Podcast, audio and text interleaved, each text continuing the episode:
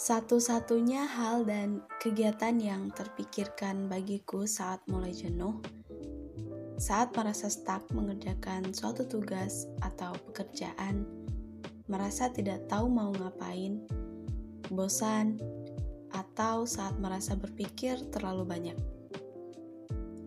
Aku akan berdiri, beranjak dari sudut meja belajar, atau bangun dari tempat tidur mulai memperhatikan sekeliling kamarku.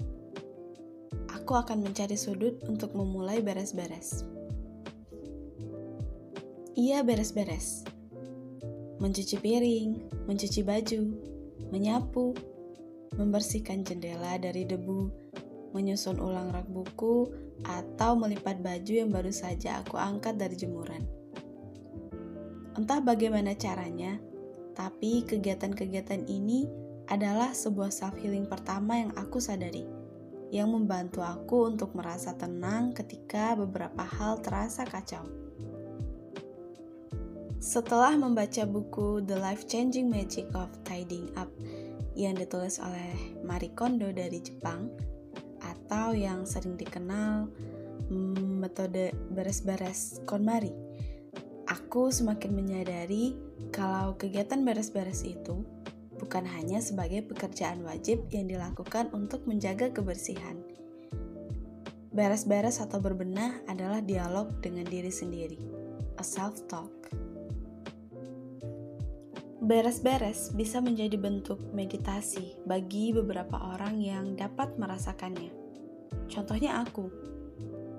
Ketika bangun pagi, aku terburu-buru untuk mengecek revisian, aku belum bisa fokus untuk melanjutkannya lagi karena terlalu banyak yang harus diperbaiki. Maka sebelum melanjutkannya, aku akan membersihkan dan merapikan sudut belajarku terlebih dulu. Menyusun buku-buku, merapikan meja.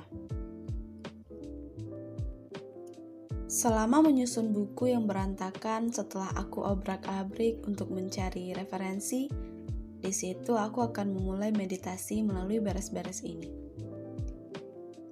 Aku selalu mengusahakan untuk tidak terburu-buru. Aku dengan hati-hati memperhatikan satu persatu buku yang aku susun, merapikannya sesuai kategori atau warnanya, sambil bertanya kepada diriku sendiri. Kenapa aku terlalu pusing memikirkan revisian esaiku yang tak kunjung kelar? Aku merasa udah cukup baca referensi,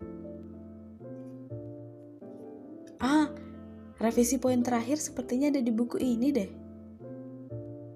Sambil menyusun kembali buku satu persatu, aku akhirnya bisa menemukan sumber untuk revisi poin terakhir esaiku.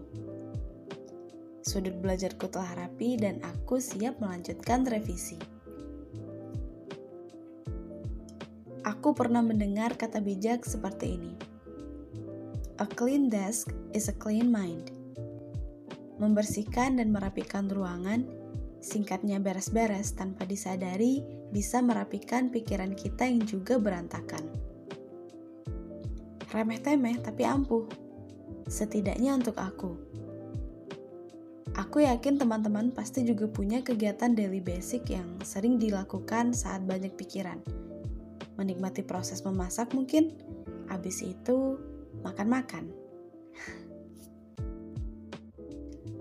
Terima kasih sudah mendengarkan The Healing Project Podcast episode kedua. Sampai jumpa.